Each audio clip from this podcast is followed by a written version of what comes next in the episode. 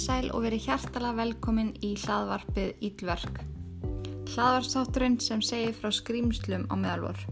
Skrýmslum sem eru oft næra okkur heldur en við höldum. Í dag uh, þá erum við að fagna átjánda þætti Ílverk. Ég trú ekki að þetta sé búin að líða svona ótrúlega fljótt. Þetta er, misti bara nýbyrja á þessu þetta er alltaf gaman. En það er 20.000 mann sem hlusta og mér er svo ótrúlega gaman að þess að ég bara, ég trúi alltaf að séu svona margir að hlusta og, og ég er bara þakka ykkur kærlega fyrir að einmitt bara hlusta og það er actually fólk sem er að býða eftir þáttum Ídlargrúpan á Facebook stækkar ótrúlega rætt og, og ég er bara mjög þakklátt fyrir þetta allt saman en svo fyrir núna að líða af 20. þetta ídlark og þá mun ég gera eitthvað skemmtilegt. Þá, þá, þá gef ég út einhvers konar bombu þátt sem að eða jáfnvel mögulega bombu þætti ég ætla alltaf að gera eitthvað aðeins öðruvísi og eitthvað óhúslega skemmtilegt fyrir ykkur og við fagnum því að að ílverk býr yfir 20 þáttum, það er alveg magna um, ég ætla ekki að gefa of mikið upp um það en ég kom með nokkur nokkur plön fyrir ykkur, hérna stay tuned En ég held að við ættum bara að demba okkur í mál dagsins og eins og alltaf áður við byrjum þá ætlum ég að taka fram að ílverkar ekki við hæfi barna. Ég kem til með að tala um morð, ofbeldi, kynferðsofbeldi og fleiri ógeðfelda hluti og ílverk sem fólk höfðu frá mig. Svo ef þú ert viðkvæmur fyrir svona umræðu skaltu slökkva strax. En mál dagsins byrjar svolítið eins og ótrúlega mörg önnur mál. Ég, eftir að byrja að researcha mikið trjúkræm þá tekum maður eftir því að allt slæmt sem gerist, það byrjar alltaf svona It was the American dream, they had the perfect family. Hafið þið tekið eftir því, það byrjar allt svona og alltaf ef eitthvað er myrtur eða eitthvað deyr, þá var manneskjan bara líst upp herbyggið, hún gerði allt betra, hún var svo böbli persónleiki og dududududu þetta er alltaf sama tökkan ángríns, bara það áttu allir fullkomi líf og einstaklingur sem dó, hann var fullkomin fattuði mig. Mér finnst þetta bara ógeðslega dæmi gert eitthvað, en kannski var það bara þannig en ég efast um að allir hafi verið svona perfekt. En máldagsins er mitt byrja svolítið þannig, þetta er bara eins og klift út úr bíómynd. Um klappstýran og fyrirliði fókbóltaliðsins byrja að deyta. Hafið heyrt eitthvað meira klassiskara. en hann var sætastu strákurinn, hún var sætastu stelpan, Jerry Mike Williams og Denise Meller. Þau voru á síðasta ári, ári í mentaskóla, voru hósinn Prom King and Queen og samnefnendur þeirra horfuðu á þau með bara svona öfundra augum. Það voru allir bara, æ þeir eru ógeðslega sætt og stelpunum langaði að vera með Mike og strákunum langaði að vera með Denise. En þau sáu engan annan en hvort annað. Oh, svo fallett en Mike fór beint í Florida State University eftir útskrift. Ok, fun fact um Florida State. Þá var ég í mentaskóla sem heitir Fjölbröðaskóli Suðurland eða FSU og þetta er sömu skamstafir FSU, Florida State University. Og á Facebook þá skrifaði ég að ég væri í Florida State University ekki í FSU bara til að vera töff. Bara svona það eru er svo tókislega margir sem gerði það þannig að ég er ekki eitthvað weird. En það heldur margir ég væri bara í skóla í bandregjunum þannig á tíumbili skemmtilega sætnút En já, hann fer sérst þangað eftir útskrift úr mentarskólanum og þar læriði hann stjórnmálafræði og borgarskipulag eða urban planning. Það var allavega besta þýðingin sem ég fann yfir urban planning, það var borgarskipulag. Og hann stóði sér svo ótrúlega vel í náminu að hún var búin vinna áður en hann útskrifaðist. Það, þannig að hann fór á fullt í að vinna við fastegnamöð í fyrirtækjum og var kallaður bara the hardest working man, þú veist, hann var bara ótrúlega dölur og by the way, þá er ég búin að reyna að taka hann að þátt upp nokkur sinnum og ég hætti alltaf af því að það er verið að slá út um allt grasið. Og ég er bara búin að komast að þeirri neðist að ég mun aldrei ná að taka hennan þáttu upp ef að ég spái svona mikið í þessu. Þannig að ef þið heyrið í svona sláttur vel þá skulum við bara hugsa um að það er komið sumar og það fylgir bara sumrun og það er bara dásanlegt þannig að þið verða afsakað að heyrið í sláttur orfi eða hvað, hvað fjandan sem þetta heitir. Oh, og þau trú ekki hvað ég er búin að reyna ofta að taka upp. En svo byrja, þetta er eins og þau viti þegar ég byrja þá byrja þau að slá. En það þarf eitthvað að gera þetta uh, en já, hann var bara sjúklega döglegur í starfi og var bara eftirsóttur starfsmöður og bara óslega góður í sínu fæi. Og hann vann oftar en ekki allan daginn kom svo heim í kvöldmatt kannski og fór svo aftur í vinnuna eftir mat bara til að klára eitthvað því að hann vildi geta byrjað á nýjum verkefnum daginn eftir. Og hann átti að líka til að vinna allan óttina og fara svo beint á veiðar þegar hann kom heim en hann hafði alveg einstaklega gaman að því að veiða gæsir og það var eiginlega bara svolítið áhagamálið hans. Og ekki bara gæsir heldur bara öll dýr og hann átti reysa collection af bissum og búnaði og bát og allt sem að þurfti. Og hann bjóð sér mjög nálagt hérna svona swamp. En svamp er svona reysastór reysastórt vatn sem er æfattið með fullt af gróðri það eru krókudílar og þetta er svona því, ef, ef maður ímynda sér þetta þá er þetta svona ef maður stingur hendur núni þá bara finnir það ógislega mikið svona slímán gróður fattiði mig, þannig að hann var mjög mikið á þessu vatni að veiða því að þar voru mitt ótrúlega mikið af, af gæsum. Og hann syndi þessu áhugamáli alveg ótrúlega mikið veist, ef hann var ekki að veiða þá var hann að þrýfa byssundar sínar eða endur aða eða eitthvað svona eins og maður gerir.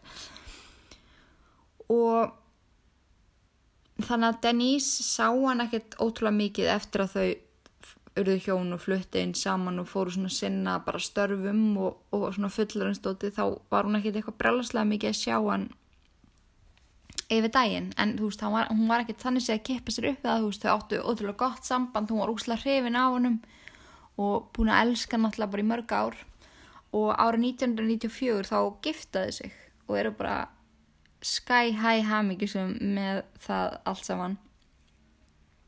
Og eins og ég segi þá trublaði vinnan hans Mike Denise ekki ennþá og þetta var bara skilin ótrúlega góðum tekjum en hann var að græða um 20 miljónir á ári í íslensku peningum. Og það gerði þeim kleift að kaupa sér ótrúlega fallet hús og árið 1999 kom fyrsta badni þeirra hjóna í heiminn og það var ótrúlega lítil falleg, ótrúlega lítil stelpa. Hún fættist ótrúlega lítil það er alveg magnað. En þau skýrðu hana Ansley Ansley. Ansley ekki Astley heldur Ansley með tíði um, og já, bara allt breyttist eftir að hún kom í heiminn, hú veist, vinnan skipti Mike auðvitað en þá mjög miklu máli og teikjurnar en, en stelpan hans gerði allt betra og sögndinís var hann bara besti pappi í öllum heiminum, hann gaf sig svo innilega allan í föðlutverkið og og þessi fullkona fjölskytta sem að var veginn búin að eignast allt sem að þau hafðu nokkuð tíman dreymt um vissu ekki að því að þau áttu eftir að fara í gegnum versta hrylling sem að nokkuð getur hugsað sér en þann 11. oktober árið 2000 þá fór Mike á veiðar. Hann sem sagt fer klukkan 5 morgunin eins og hann gerði mjög oft. Hann gerði þetta mjög oft að fara hann látti að mæti vinnuna nýju þannig að hann fór klukka 5 morgunin nýtti tíman og fór svo í vinnuna. Hann gerði þetta mjög oft þannig að Denise var bara ekki á neittnátt að kippa sér upp við þetta og engin annar í fjölskytun hans. Hann bara kissir Denise bless og dóttur sína og ætlaði mitt að vera komin aftur fyrir klukku nýju og borða með morgumat um, vatni var ótrúlega slétt og veðrið var kallt en ótrúlega stilt og þetta var svona uppbólsveðri hans til þess að veiða. Hann let bátið sinni renna út á vatnið og steg svo sjálfur ofan í og sildi út. Og einmitt, þetta er bara einhver rútina sem að hann hafi gert svo ótrúlega oft áður. Síðan sló klukkan nýju. Síðan sló hún hálf tíu. Og síðan tíu. Denise fannst frekaskríti að Mike var ekki komin heim á þessu tjónputi. hann mætti alltaf á réttum tíma í vinnunni, það var bara fárlega mikilvægt fyrir honum að vera alltaf tímalega hann fór freka fyrr heldur en setna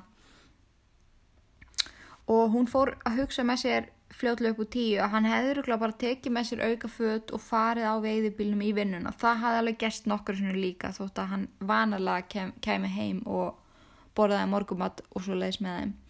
En henni svona, já, þá var það fyrsta sem henni dætt í hug því að það meika annars engan sens akkur að hann var ekki komin heim.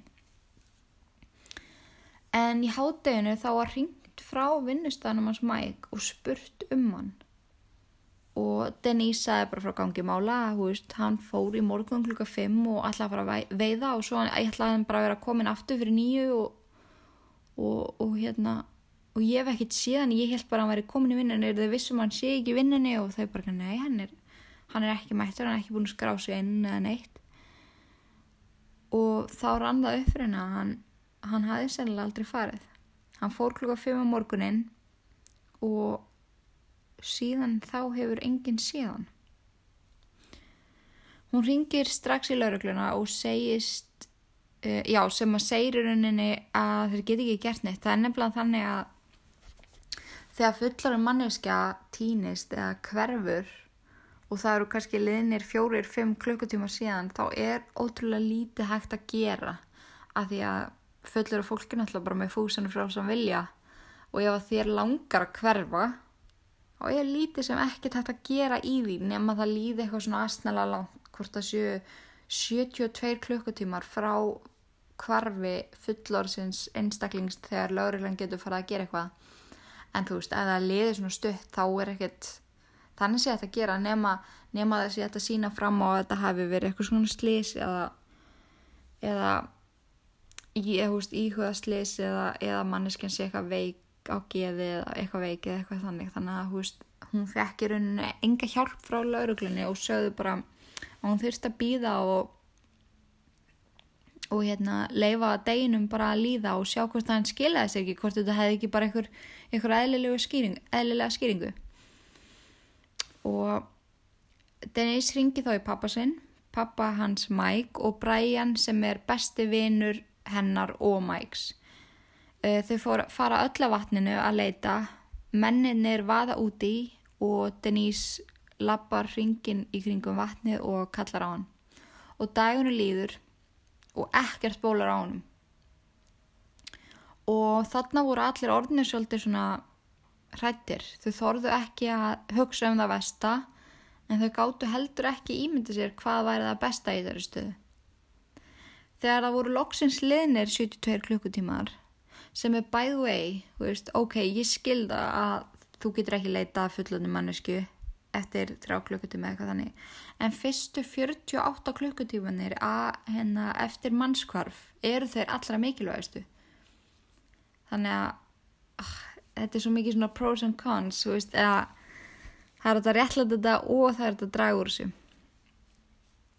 En já, þá voru allir bara orðinir mjög hættir og það var sendt af stað leitateimi snemma morguns 12. oktober árið 2000 og eftir nokkra leit þá finnst báturinn hans Mike hann var fullur af bensinni og, eða tankurinn og í honum lág riffill og þetta var það eina sem fannst og þá var leita allan daginn alla daga í 44 daga að stanslausri leit um vatnið og þannig kring þá flóið yfir með þyrlum það, var, það voru kafarar það voru veist bílar sem kerðum um allt það voru gungumenn, veist þetta voru stóru hópar og það fannst ekki neitt það fannst ekki arða. Eina sem fannst var þessi bátur og bissan hans Mike.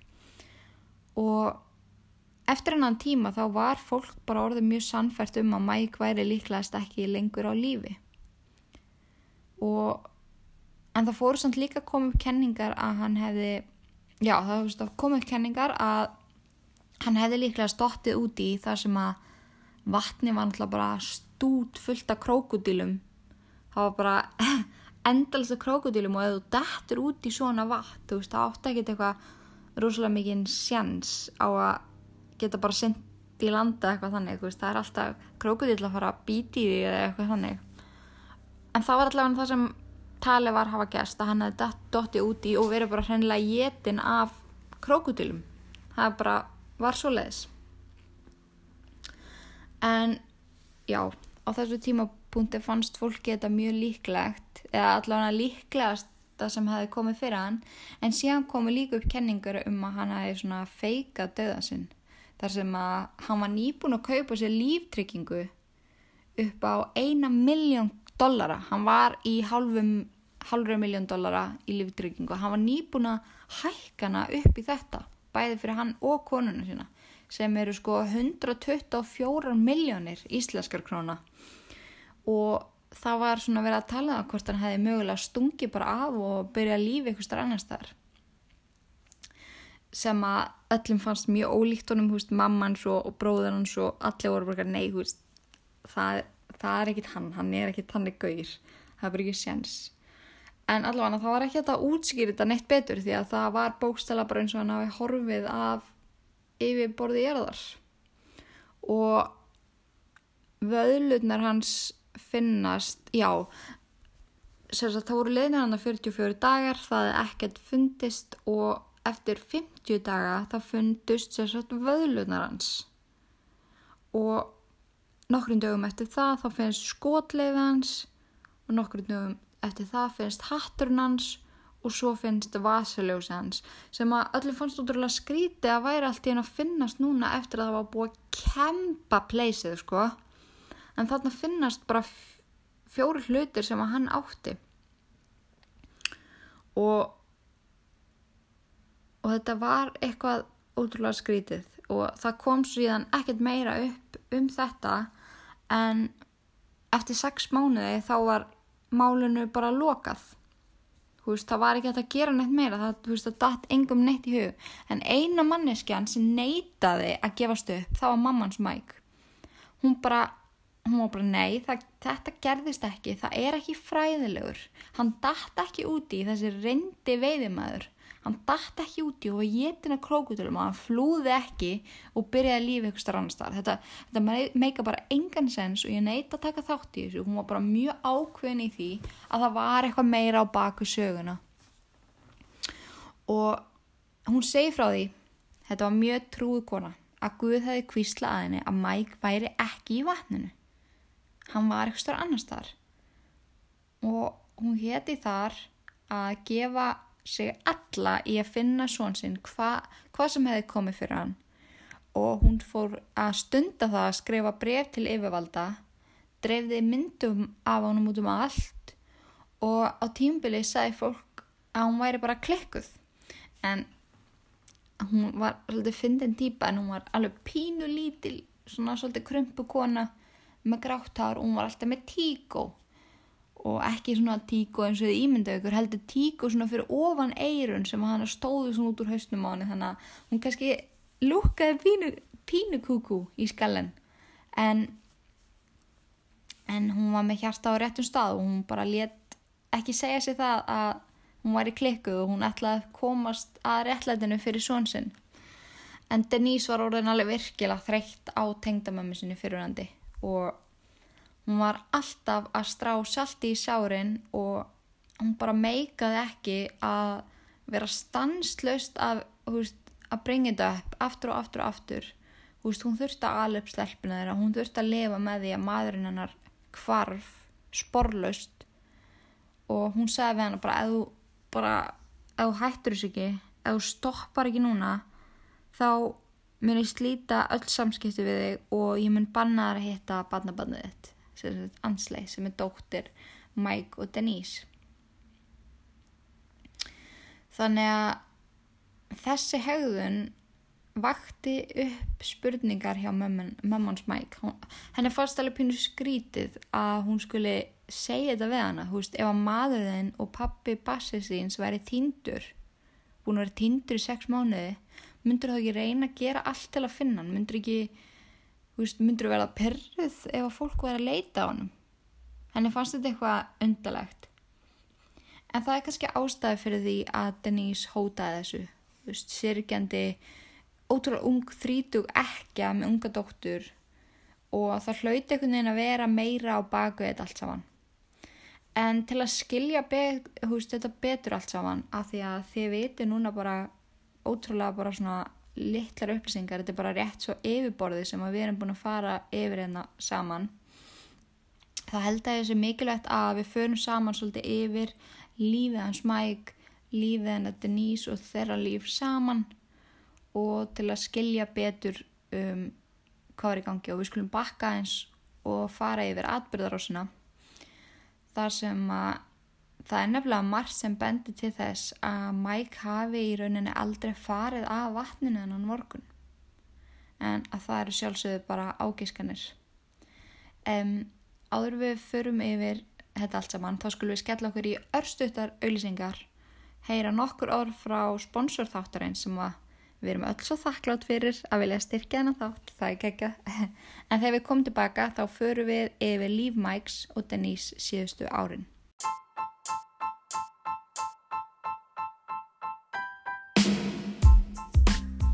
Vissið þú að með kóðanum Inga Kristjáns fær þú 15% afslátt af öllu inn á línbóti.is. Þú getur líka kíkt í heimsókn í nýja glæsela veslun þeirra að síðumúla átta og fengi góða og faglega aðstóð og ráðleggingar um hvað þið vantar og fengi svo líka 15% afslátt við kassan með kóðanum Inga Kristjáns. Ég, hver er þessi Inga Kristjáns eiginlega? Hágeðavörur og hámars árangur og við elskum það. Línbóti.is, þín markmið, þín grein. En Mike og Denise Williams virtust eiga ótrúlega gott samband. Þau voru búin að vera saman frá því að þau voru úlingar og utanfrá þá letuðu út fyrir að eiga bara, emmitt, þetta ameríska drauma líf eins og ég sagði ykkur aðan. En það var engum sem grunaði að þótt að þetta leti allt svona út, þá var sambandið þeirra á hálum ís. Það hafiði slettan mjög mikið upp úr því og urðu samskiptið þeirra verri með hverjum deginum sem leið. Þau voru búin saman öll þessi ár bara sen í mentaskóla og þeim var báðum farað að líða eins og þau væru ekki meant to be. Veist, eins og þau hefðu, hefðu gift sig allt og fljótt, byrjað saman allt og fljótt og voru bara farin að evast um einhvern veginn allt sem að þau áttu saman. Og einu manneskjöldnar sem að í raun og veru vissu hvernig staðan var voru vinið þeirra Brian og Kathy sem eru eins og ég sagði ekki ráðan bestu vinir þeirra hjóna og voru búin að vera það alveg frá því í mentaskóla. Brian og Kathy um, voru hjón og þau hafðu einmitt líka byrjað saman í mentaskóla þannig að þau fjögur voru búin að vera óaðskynlega í allan þennan tíma og bara svona vinapar og treystu hvort öðru fyrir heilmiklum upplýsingum þegar það kom að hjónabandina þeirra. Þau áttu líka börn á söpum aldri, Brian og Kathy áttu strák og Denise og Mike áttu stelpu og þau fengi ótrúlega oft að vera bara saman að leika heima hjá mömmu og pappa Mike sem að byggur rétt hjá þeim á meðan vininir fóru á pepparöld og börnir þeirra voru bara ótrúlega góðu vinnir og voru mitt bara ótrúlega mikið saman en eitt kvöldi þegar þau ákveða að fara á pöpparöld þetta var laugadagir, það var ótrúlega fallett veður úti bara svona hlýtt sömu kvöld og þau ákveða að kíkja neyri bæ. Og þegar þau voru komin alveg freka vel í glas þá fóru samræðunar svolítið um, svona út um allt auðvitað kannski svolítið óviðandi en mér persónulega finnst þetta ekki óviðandi ég hef oft átt svona samtal við fólk. Ég veit ekki hversu gróft þetta var en ég veit ekki, minnst þetta kannski ekki að tabu og það er líst í þessari frett um þetta allt saman. En þau fóru sérst að deila með hver öðru mjög ítalega hvað þeim fannst spennandi í kynlífi hvað þeim langaði að prófa og fleira svo leiðis það er eitthvað sem að, ég veit ekki, maður ræðir þetta alveg vinni sína en kannski ekki tvö gift hjón saman, I don't know allavega þá er þetta talið frekar óviðandi og þau verið alveg mjög gróf bara, þú veist, segja hvað þeim langa að prófa, hvað þau hafa að prófa og voru bara all in, bara spill the tea. En konan hos Brians hún Kathy, hún satt kannski svolítið hjá, hún, hún tók alveg þátt í umræðunum en var kannski ekkert eitthvað endilega að deila neinu, neinu sérstöku þú veist, og fannst þetta kannski svolítið óþægilegt. En síðan fór Denise bara all in í að lýsa því sem að hún hefur prófað og vill prófa. Og Mike halvróðnaði á meðan hann hlusta á koninu svona lýsa fyrir öðru fólki í smáadröðum hvernig kynlíf þeirra væri háttaf.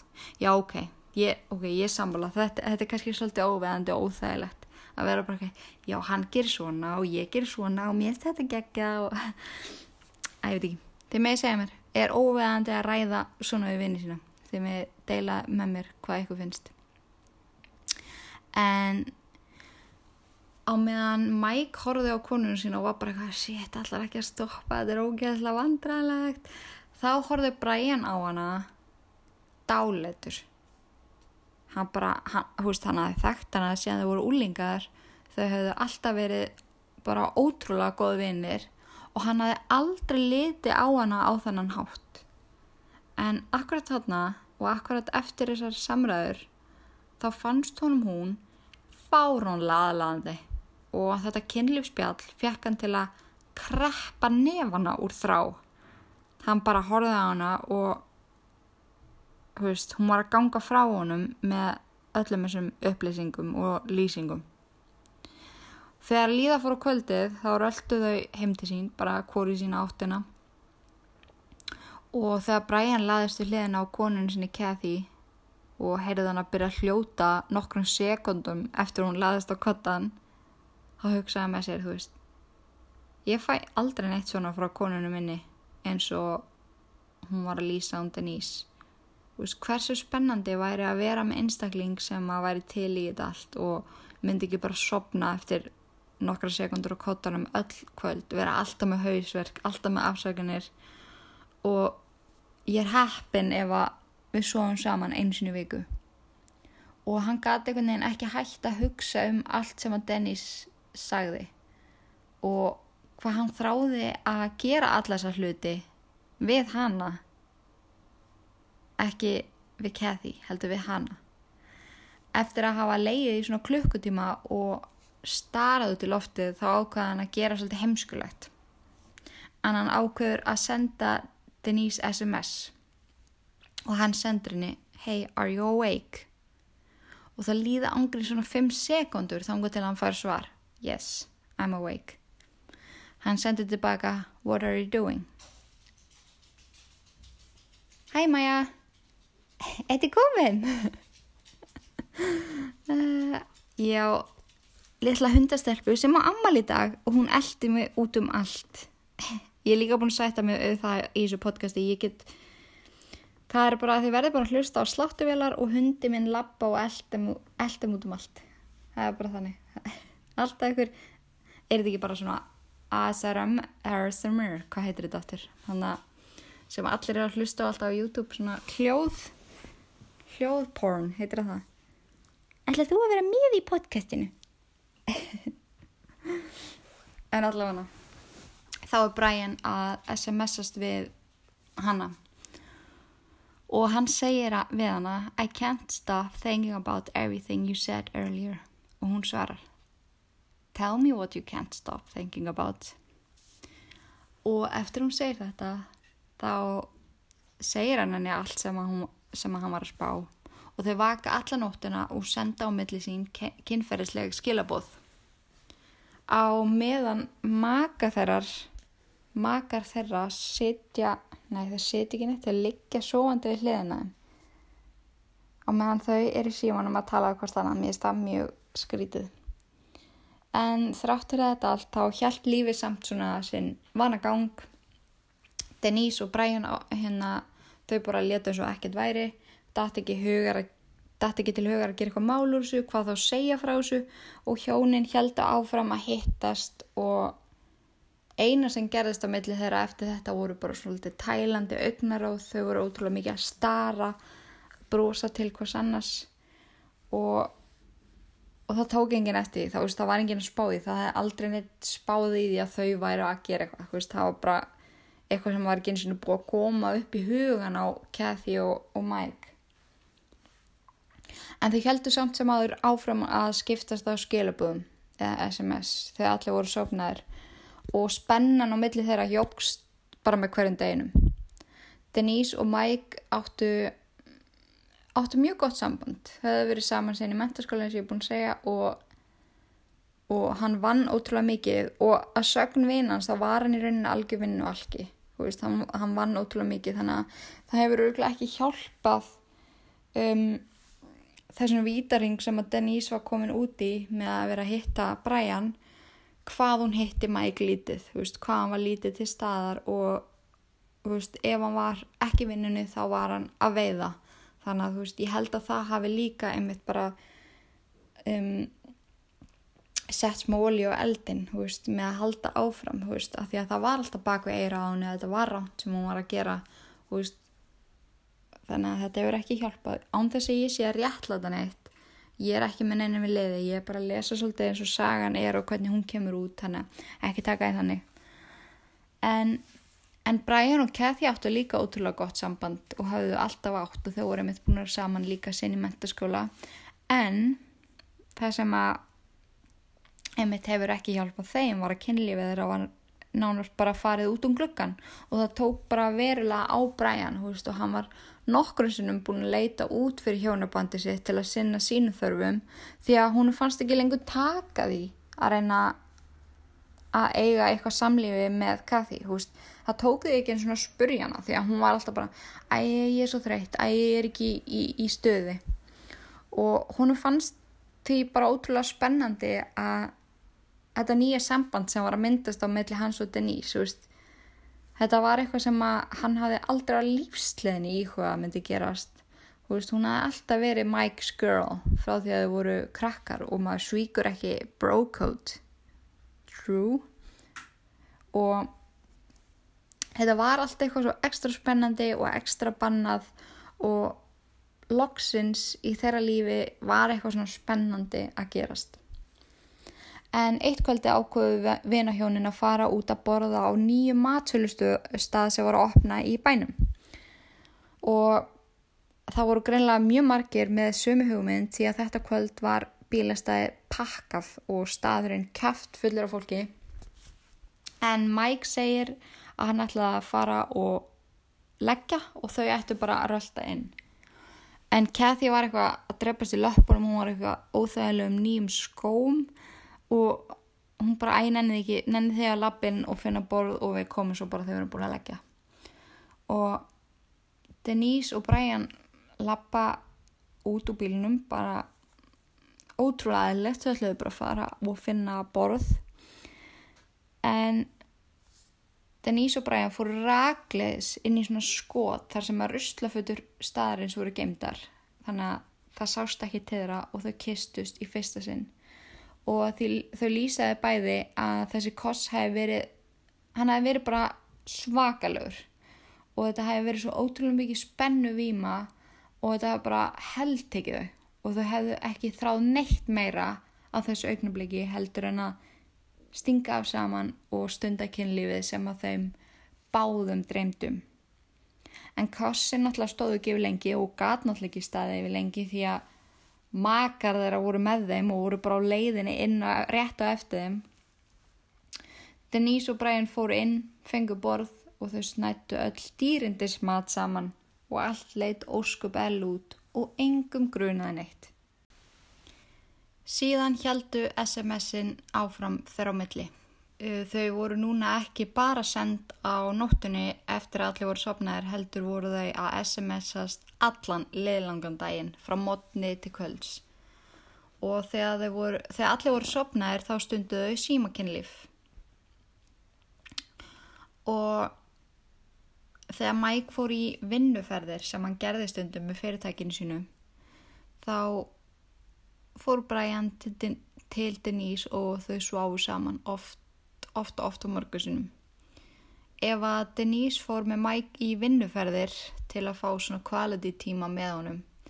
En þetta er sérst eitthvað sem þau hefðu alltaf gert síðan, síðan Mike byrjaði að fara í svona vinnuferðir, hann var stundum að fara eitthvað svona til Las Vegas og eitthvað bla bla bla.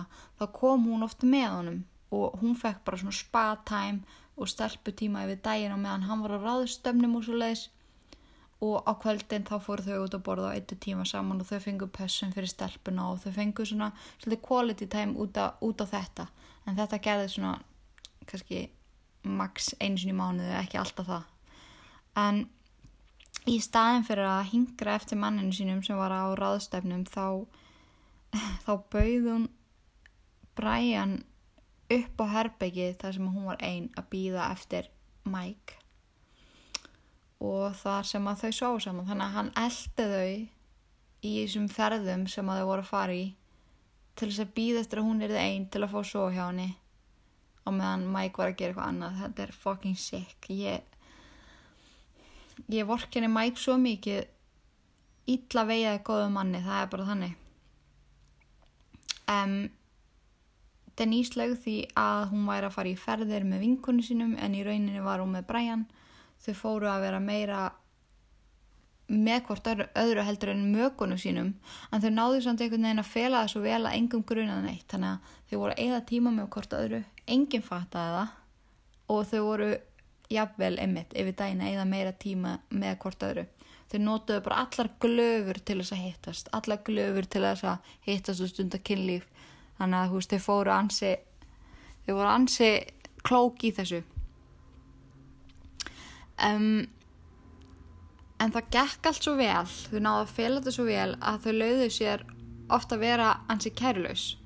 Þau bröðu sér oft frá í óútskýrð ferðalög hinga og þangað og stundum er þess að komu Mike og Kathy með og þegar þau voru sopnuð á kvöldin laumuðst Denise og Brian út saman og þetta var bara allt gengið allt og langt. Þetta var, þetta var orðið bara algjör, þetta var bara hræðilegu vítarhingu sem að þau komast ekki út úr. Þau voru að draga hérna maka sína í gegnum þessa dröllu hús makara sem hefði ekki gert þeim neitt og þeim grunaði ekki neitt af því að þau treystuðum og þau treystu hvort öðru hús, þetta voru bestu vinið þeirra. En þau hugsuðu þetta kannski ekki beint þannig hús, þau hugsuðu meira að þau væri orðin ótrúlega þreytt á þessum félag húst þótti hafði aldrei viðukenda upp átt fyrir hvort öðru þá voru þau komin með tilfinninga til hvors annars. Veist, þetta var orðið miklu meira heldur en heldur en eitthvað kynferðislegt. Og Brian fer þess að það langt að kalla þau sálufélag því að hún er fórst að ná svo ótrúlega vel saman á allan hátt. Veist, þau hafðu svipaðar þarfir, þau hafðu svipaðar skoðanir og þau náðu bara einhvern veginn miklu betur saman heldur en þau náðu saman við maka sína. En eitt kvöldið þegar Mike var á ráðstefnu og Denise var ein heima ásandóttið þeirra kemur Brian yfir. Þau stundakinnlif í rúmi Denise og Mikes og þegar þau síðan liggja saman eftir kinnlifið ákveðu Brian að kýla á spurningu sem að hann var búin að tappa sér í heil lengi í að spurja en hann var bara einhvern veginn ekki búin að þóra sér að því þetta er náttúrulega resastort skref en hann spyr hennar should we get a divorce? Og hún bara sest mega hrætt upp í rúminu lítur á hann og er bara what, I can't do that. Og bara ég, húst, nei, ég get ekki skilið. Þess ég get bara ekki að nefnátt skilið bara hvað er þetta að meina? Hún bara fríkaði. Og Veist, hún var náttúrulega mjög sterklega trúið og núna er ég að fara að segja mjög kaltæðinslegan hlut en hún segist ekki að geta skilið við mannin sinn út af trúnni að í biblíinu segir eitthvað bla bla bla bla bla. Og, og þess vegna verði hún að þú veist standa við uh, the wows eða þú veist vákaði dótti um mig hvað þetta heitir í íslensku. Oh, núna er ykkur heima að garga á mig bara þetta heitir þetta. En oh, djöðurinn, ég manna ekki. En allan á wows, wedding wows, þið veitir hvað ég á við en mér finnst það svona kaldanistlegt að hún skulle hafa þessu skoðum því að það stendur alveg líka í biblíin að þú ert ekki að dríja hór og stunda kynlífi bróðin eða eitthvað, ég veit ekki. En já, að halda það besta vinn mannsins er það ok, en já, ok, hún er það. En hún allan að meikar ekki að skilja og það er algjörlega móti hennar trú.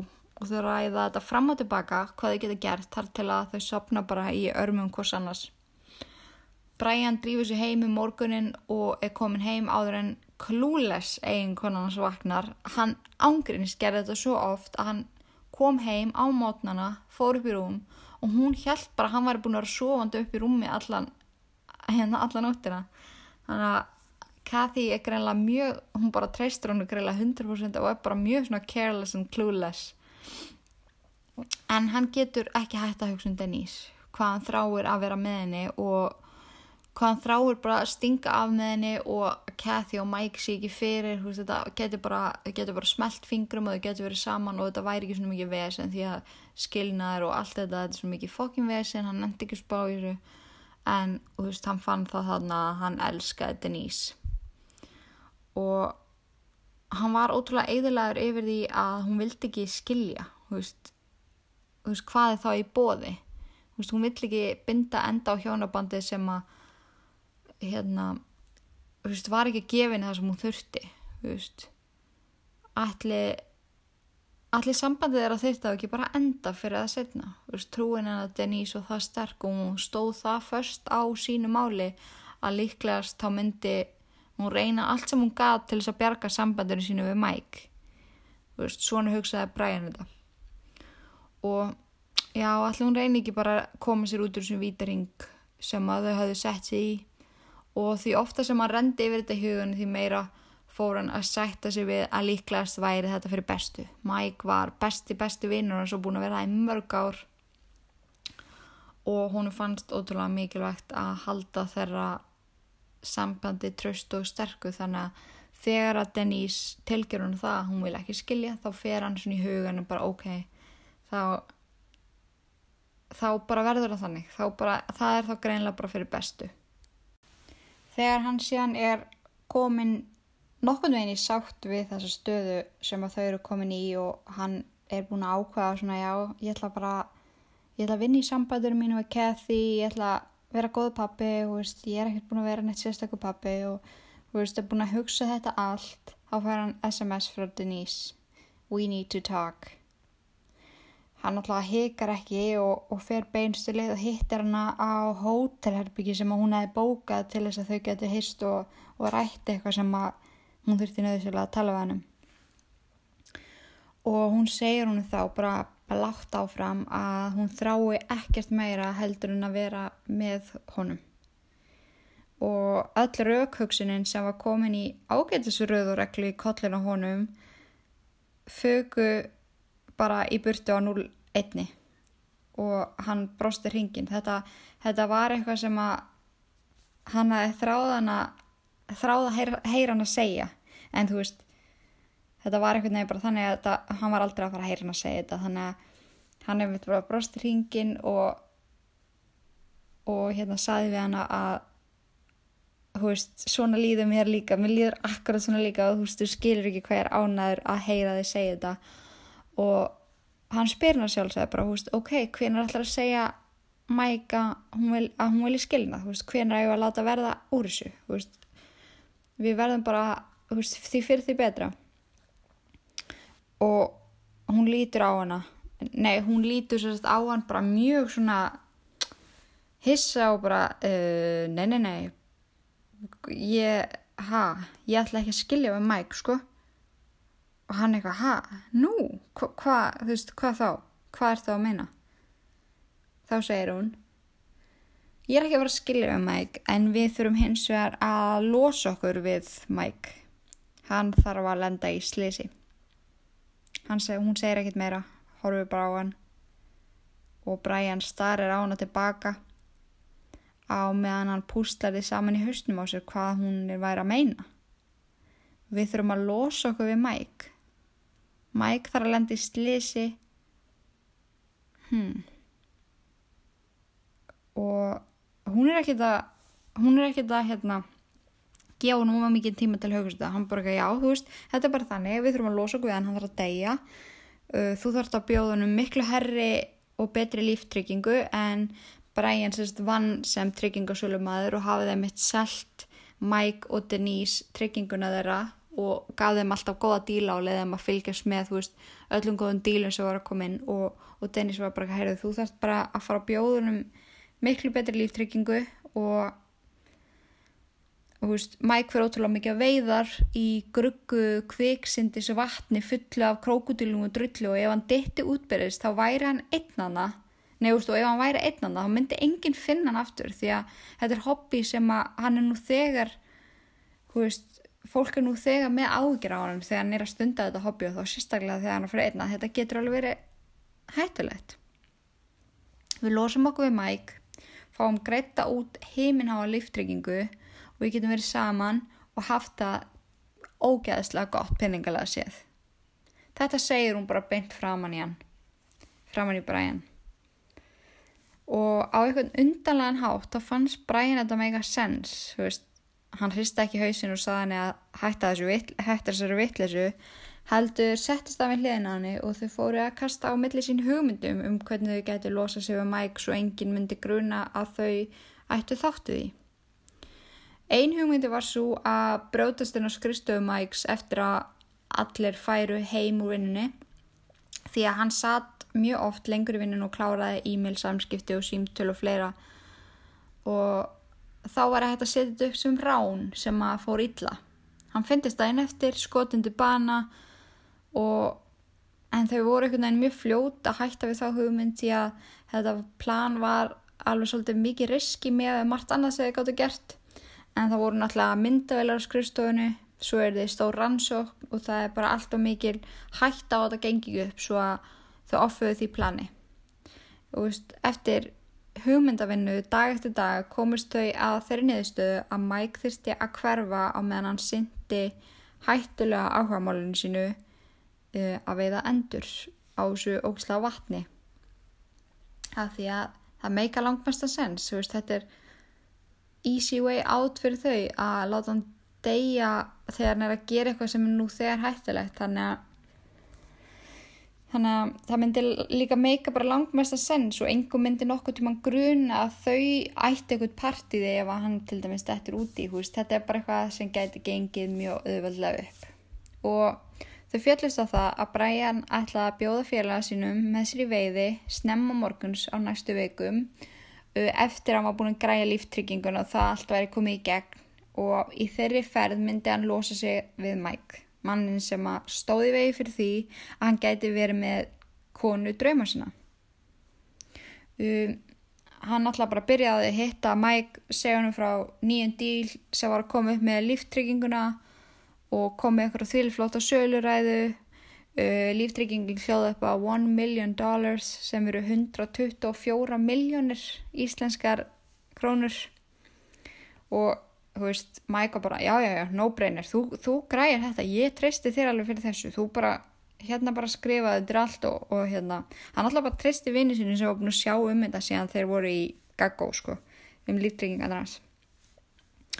Og nokkrum dögum eftir það þá nefndi hann við hann og hún langaði að fara húst svona early hunting og þeir ætti að fara saman í veiðferð fyrir vinnu sem var heldur ekkert skrítið þar sem þeir fóru ótrúlega oft saman í ferðir og Brian þurfti ekki nota neina sérstaklega sannfæringakrafta eða einhverjar afsækjanir til að fá hann til að samþykja þar sem að þetta var eitthvað sem þeir gerði oft saman. Þannig að þetta plan kom mjög svona naturally. Þau notuðu bara það sem að var algengast og meikaði mestan sens og, og þannig töldu þau að þau getur komist upp með þetta. En ég ætla að leifa Brian bara útskýra fyrir ykkur hvernig um, hvað varð um Mike í þessari bátsferð hjá þeim og hvernig þetta hafðist allt saman. En, en hérna hann lýsir þessu langbæst sjálfur. Það er alveg magnað um, hann talar ótrúlega ofinskátt í réttarsal. Hann, hann hérna eftir þetta kemst allt upp náttúrulega þá þú veist þá er þú veist þá ákveður hann alveg greinilega bara já ég ætla bara að segja allt sem gerðist. Ég ætla bara að vera skýrmæltur og ég ætla að lýsa bara í smáadröðum hvað gerðist því að, því að hann, hann gerir það svo sannlega en já, ég ætla að lefa honum bara að segja eitthvað frá því hvað gerðist raunverulega. Þannig að hérna er Brian. We launched the boat. It was just like a hunting trip was supposed to be. The plan that was discussed and come up with was that he was going to be wearing waders and the belief was somebody falls in the water with waders, you're going down. So we went out like we were going hunting. We got to the area where his waders and jacket were found. I got him to stand up and I pushed him into the water.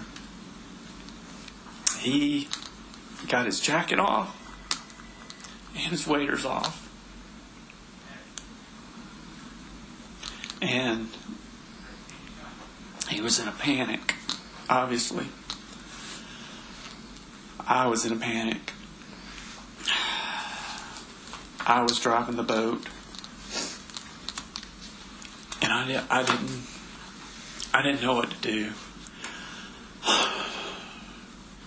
And I ended up shooting him.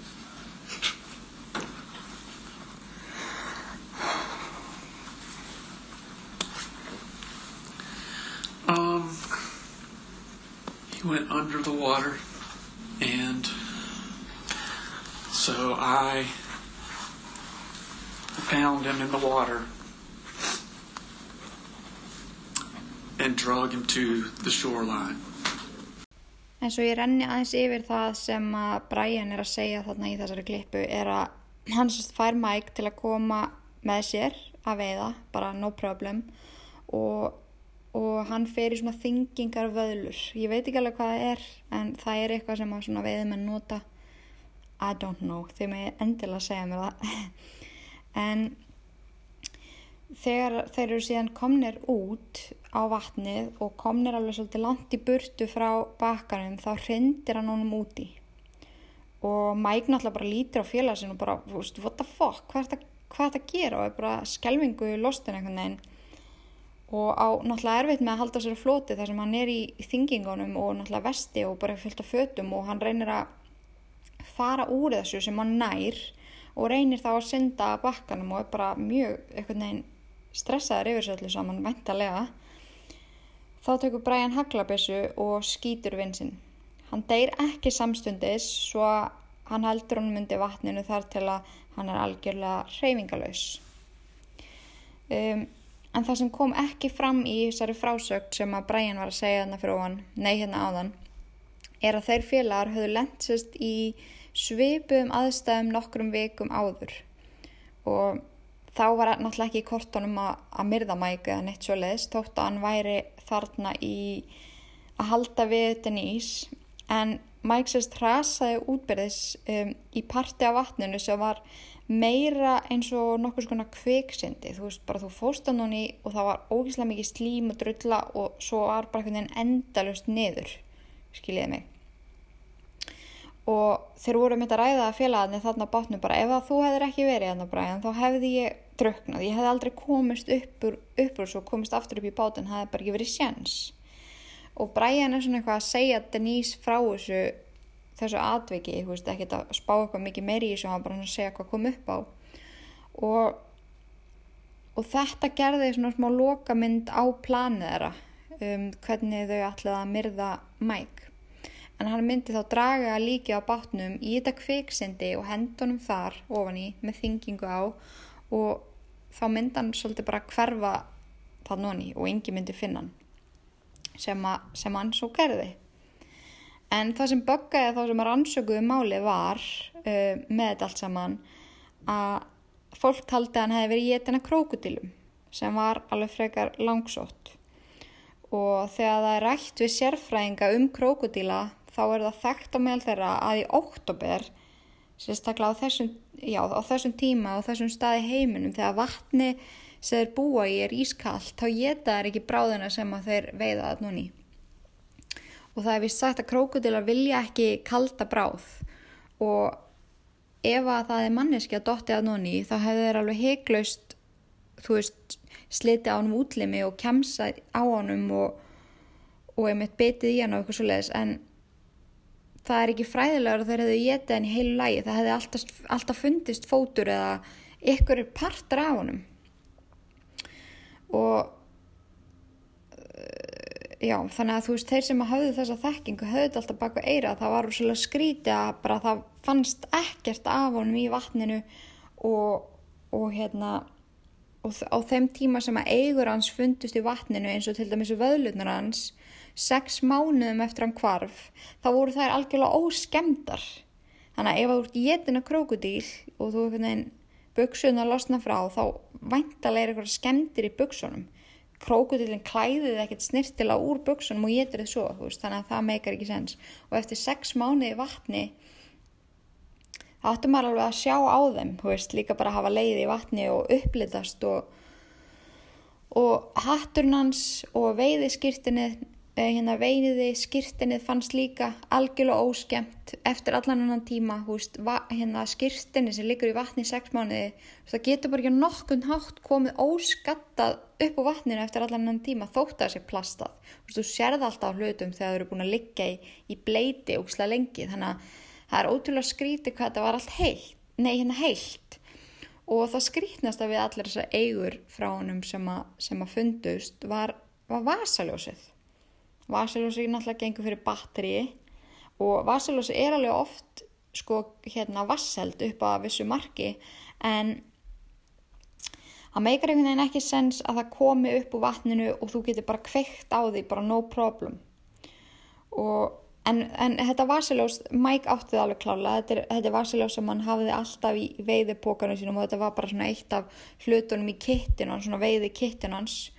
Og það var alveg í fínasta lægi eftir að eftir að hafa leiði í vatninu í allan enn tíma. Og fólki fannst þetta svona veist, frekar ótrúlegt eitthvað neginn og margir helduði fram að Brian og Denise hefðu komið þessum hlutum fyrir þegar þeim fannst laurugla vera farin að þjarma að þeim með að spyrja ómikið af spurningum. Því að staðrættin er svo að makar eru alltaf þeir fyrstu sem er litið á þegar eitthvað svona kemur upp á hvort það sé morð eða mannskvarf en þú veist eftir þannan tíma bara eftir sex mánuði þá vissi náttúrulega bara engin að þau að, að þau varu eitthvað flektin í þetta dætt engaða til hugur en það var bara svona formsmál að spurja þau og, og, hérna, og hérna reyna að finna hvort að þau varu eitthvað tengt inn í þetta. En með þessu, með að koma þessu fyrir alltaf með nokkra veikna millibili þá náðu þau að koma sér undan öllum þessum ásökunum og spurningum og máli kólnaði bara með hverju mánuðinu sem leið og það leiðu 17 ár frá því að Mike kvarf og eina manneskjan sem held áfram að leita á honum var mammans. Veist, hún þráði ekkert meira en að komast aðeins hvaði komið fyrir svonarnar og fá hvaðjan hvort sem hann var lísaði liðin.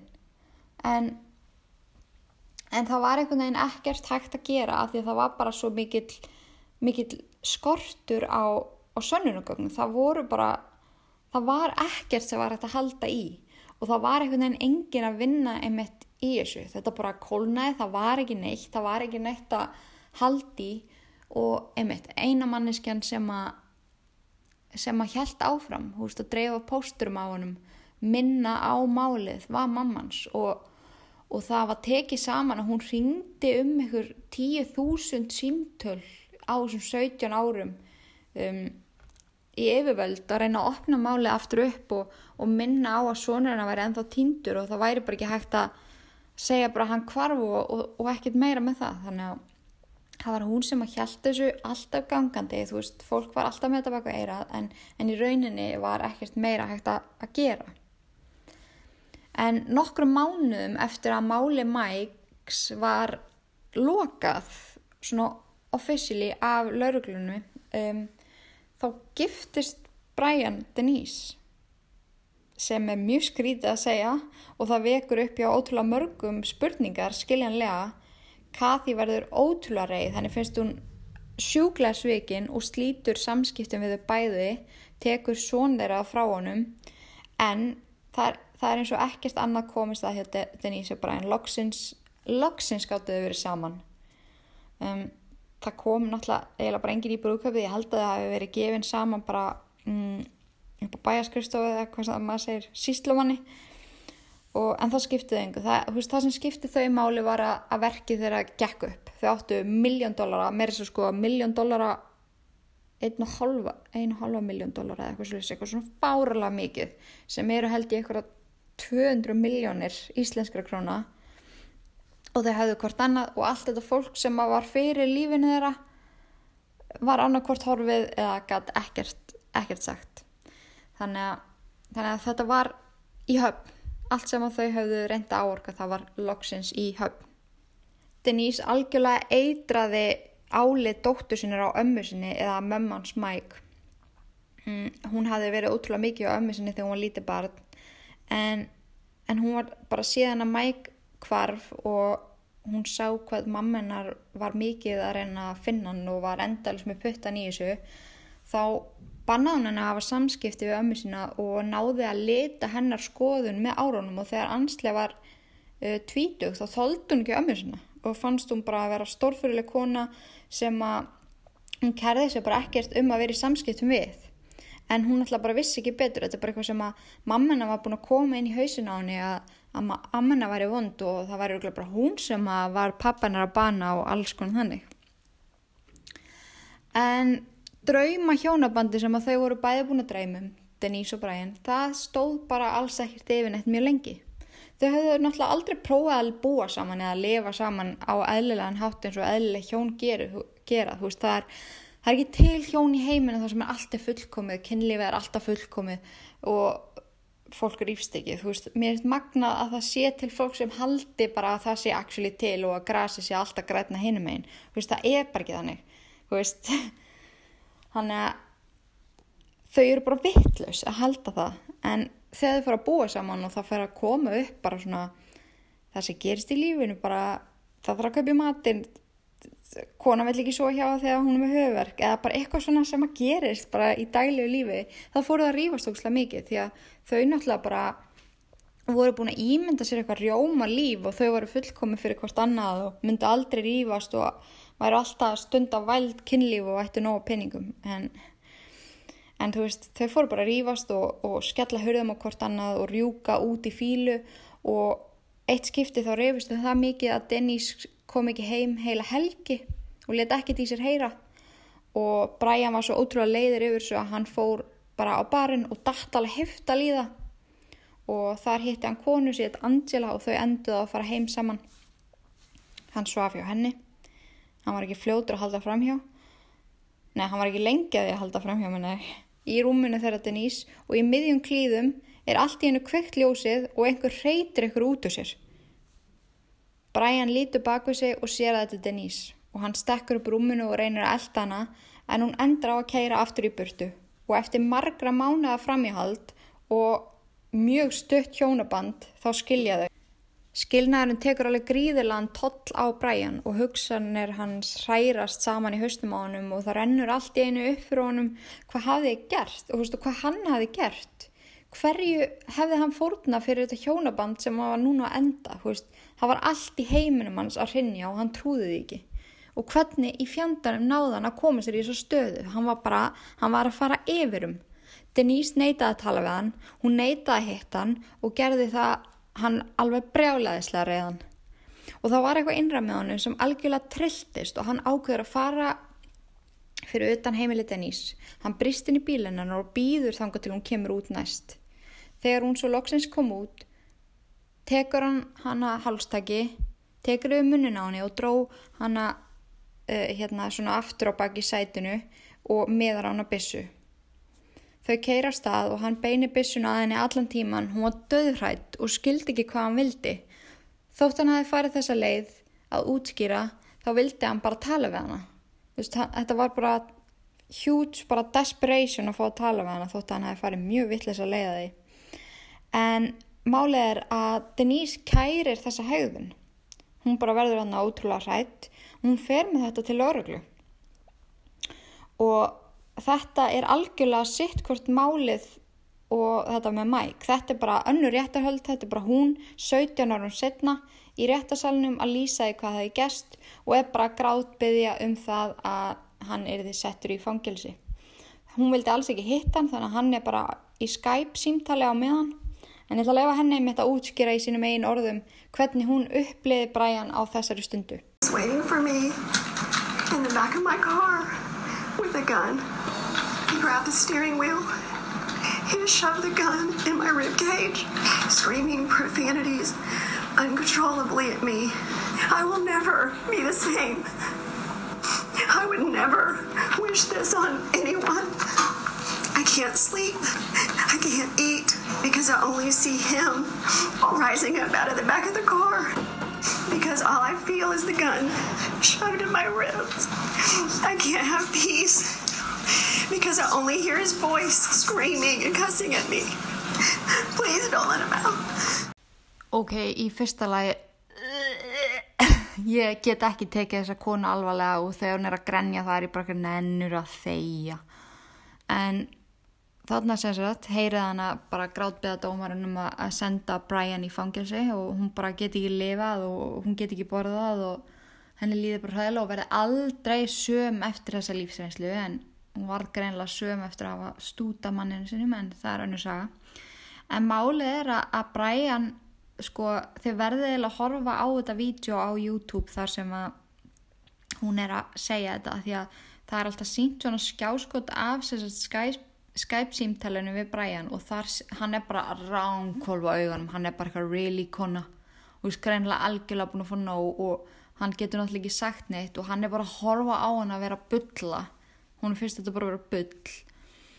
En hann verður svo ógeðslega perraður út í hana, hún er að fara að senda hann í fangelsi, það lítur allt út fyrir það, veist, hann verður dæmdur, hann, hann ákvað bara að segja frá því hvað gerðist um Mike, segja bara 100% frá öllu sem hann gerði, hann var bara, hann var það fucking perraður út í Denise að vera að draga hann út í eitthvað svona bull þegar hann var bara að reyna að tala við hana og þetta var ekki svona big deal og bla bla bla bla. Þannig að hann var bara, já já, fyrst að ég er að fara í fangelsi þá er þú að fara í fangelsi líka, beglaðinn og hann segir frá öllu og klippan sem að þið heyrðu af honum fyrir þættinu þar sem hann lýsir því fyrir þeim hvað hvernig húst, þau, hann draf Mike og hann lýsir því fyrir þau hvernig, hvernig þau voru búin að halda við hvort annað stundakinnlíf bak við maka sína og, og hérna og bara hvernig þau plönuðu þetta algjörlega í saminningu, hvernig þau földan, hvernig þau komu öllu fyrir,